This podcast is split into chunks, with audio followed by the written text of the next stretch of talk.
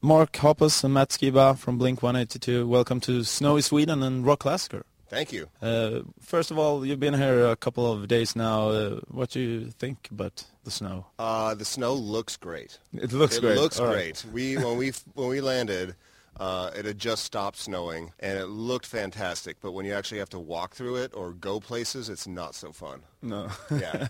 all right, I get, get what you mean. Uh, first of all, I, I was thinking that I have to clear something out because I've heard several different stories about it. The Blink and the 182. Mm-hmm. Where does the 182 come from? Uh, when I was just out of high school, uh, I was struggling with my weight, and uh, the doctor told me that my ideal weight at that time was 182 pounds. So that's where it comes from.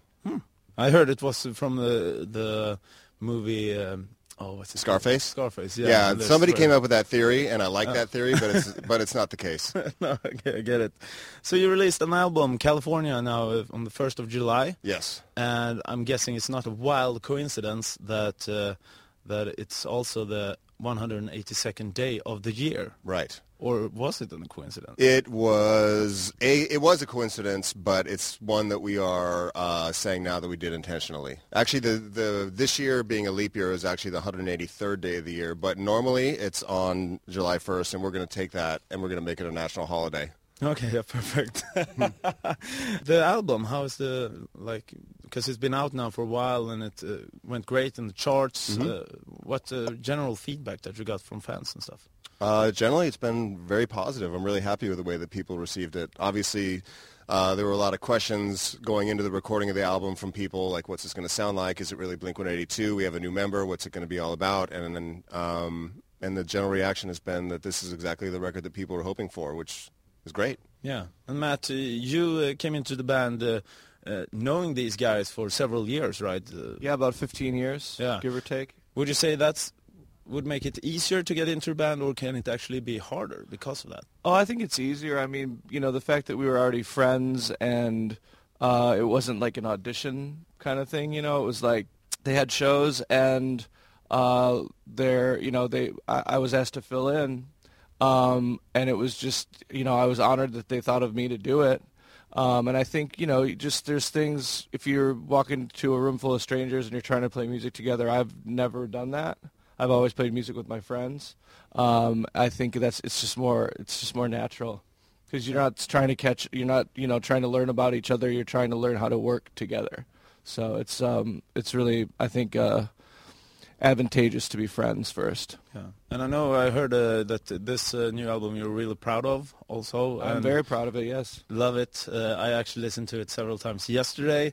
Uh, I also get it. I, I, it was great, actually. There's one song who sticks out though, because it's 15 seconds long or something like that. Uh, b- built. Uh, Built this pool? Yeah. Yeah. Can, can you tell me the story behind that? Uh, it's a joke song that I had written a long time ago, a couple years ago, and we were in the studio, and John was at the desk, and he was working on something, and I was, had my guitar behind him, and I, was, I just played it, and he goes, "What? Did you just play?" And I said, "Oh, it's just a joke song, uh, whatever." And he goes, "Let's record it." And so we recorded the guitars and the vocal uh, to a click track, but Travis had not yet come into the uh, studio. And so Travis came in later and he was uh, working on a different song. And then John says, okay, uh, I'm going to give you an eight count into this, uh, into this short song. It's a rock beat, so just play rock beat. And so he played it and Travis played the drums on it and the song came to an end and Travis goes, is that really it? And that's why the song is like that on the album. Yeah, because that's uh, in the song also Yeah. when he says that, right? Yeah, awesome. Uh, the name California for the album, uh, I heard something about uh, you had some other ideas to call the new album also, not only California. Yeah, at one point we were going to call the album No Future, but we all thought that that was a little too negative sounding. Um, what else were we talking about? New Direction, All right. because it sounds like nude erection. Yeah. Um, but why, why did it uh, became California? Um, because when we were recording the album, uh, California has a very duplicitous existence. When you think about California, people think about sunshine and beautiful beaches and movie stars. And uh, there's also a dark side to California, especially living in Los Angeles. There's a lot of urban decay and poverty. And um, we all grew up listening to like underground punk rock that come from California and skate culture that uh, was largely based in California. So, and I and I think that music is like that. I think that life is like that. I think this album is like that. When I think about Blink 182, the first thing that pops up in my mind is the music videos uh, from the 90s and the nudity. What is Right. it with Blink 182 and nudity? Uh, are don't all flashers? we are not. We are not. Uh, but luckily now, other people do the nudity instead of us. all right. Yeah. Luckily. Luckily, yes. Fortunately for everybody involved. All right. what do you mean about that? Uh, well, I'm. We're all in our 40s now, and uh, people don't want to see me naked for good reason. All right. Let's talk about rumors. Uh, what's the, uh, the Fleetwood Mac record? The Fleetwood Mac record? no? What's record. the, first of all? What's the w- worst rumor you heard about yourself? Um, the worst rumor. There was a rumor going around years ago that um, I was a heroin addict, which I've never been. All right. That was kind of that's kind of an ugly rumor. Yeah, yeah, yeah, definitely. I heard something, but that's not ugly. That you're into uh, transcendental meditation. Transcendental meditation. Yeah. What What is that? Uh, it's it's it's a really you know you tell people that and, and they think that it's uh, like a religion. There's pe- some people that believe that it's a cult. I mean anybody, no matter what you believe, you could be a Christian, you could be um, Muslim, you could be you know atheist. It's um, it's more of uh, it's just a practice to calm your mind. It's good for your nervous system. So I, I read David Lynch's book Catching the Big Fish, where he talks about how he's been doing TM for 30 some odd years and how helpful that was for his personal life and also for his creative process. Um, and I always thought of meditation as something that was kind of like hippie, you know, like whatever. You would like lose your edge or something, and never really considered it. And then David Lynch, it's like he was uh, he was he was already meditating when he did Blue Velvet and like some of his darkest work. And it's like, um, i for me, it's just it helps with pretty much everything in in everyday life.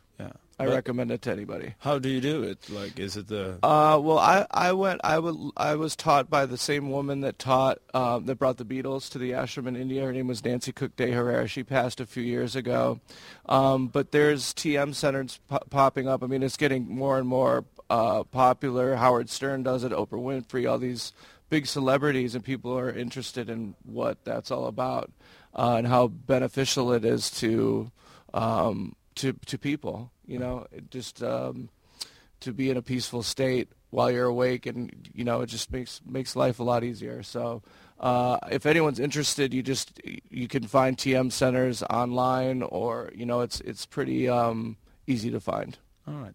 Thank you. Interesting. Hmm. And Mark, what's the worst rumor you heard about yourself? The worst rumor that I heard about myself? I don't know. There's no rumors about me, are there? There- Well, I've heard. What have, what have you heard? Before you started, uh, like, uh, with the music, Mm-hmm.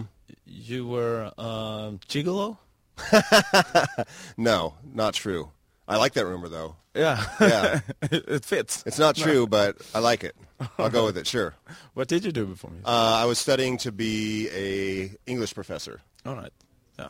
What's one of your craziest tour memories, Mm, craziest tour memories. or Um, something else that pops up from? all Actually, something really. Uh, one of my favorite memories of this past tour uh, that we just came off of was there were these two guys that were crowd surfing and they were just held onto one another, just like a like a pair, inseparable. And uh, they were crowd surfing and they came up over the barricade and, and one guy was pointing to his friend and I was in the middle of a song and I didn't really understand what he was trying to say. And afterwards, my wife said, did you see those two guys that were crowd surfing? And I said, yeah. And she said, you know the story behind that? And I said, no. And she told me that um, one of the guys was paralyzed and lives his life in a wheelchair. And he said to his friend, I wish I could crowd surf. And the guy said, you want to go crowd surfing? I'll take you right now. And he grabbed his friend and they went up and they crowd surfed together. I thought that was pretty cool. Yeah, that's an awesome story. Matt, do you have one? Uh, not after that no No. I mean, it, that's such a beautiful story. I think that, you know, there's like, um, you know, th- this last tour was just amazing. Um, and there was, you know, we're, we're at an age where there's uh, not a whole lot of hijinks. We have a really good time and laugh a lot. But um, I think the story that Mark just told kind of covers it. Yeah.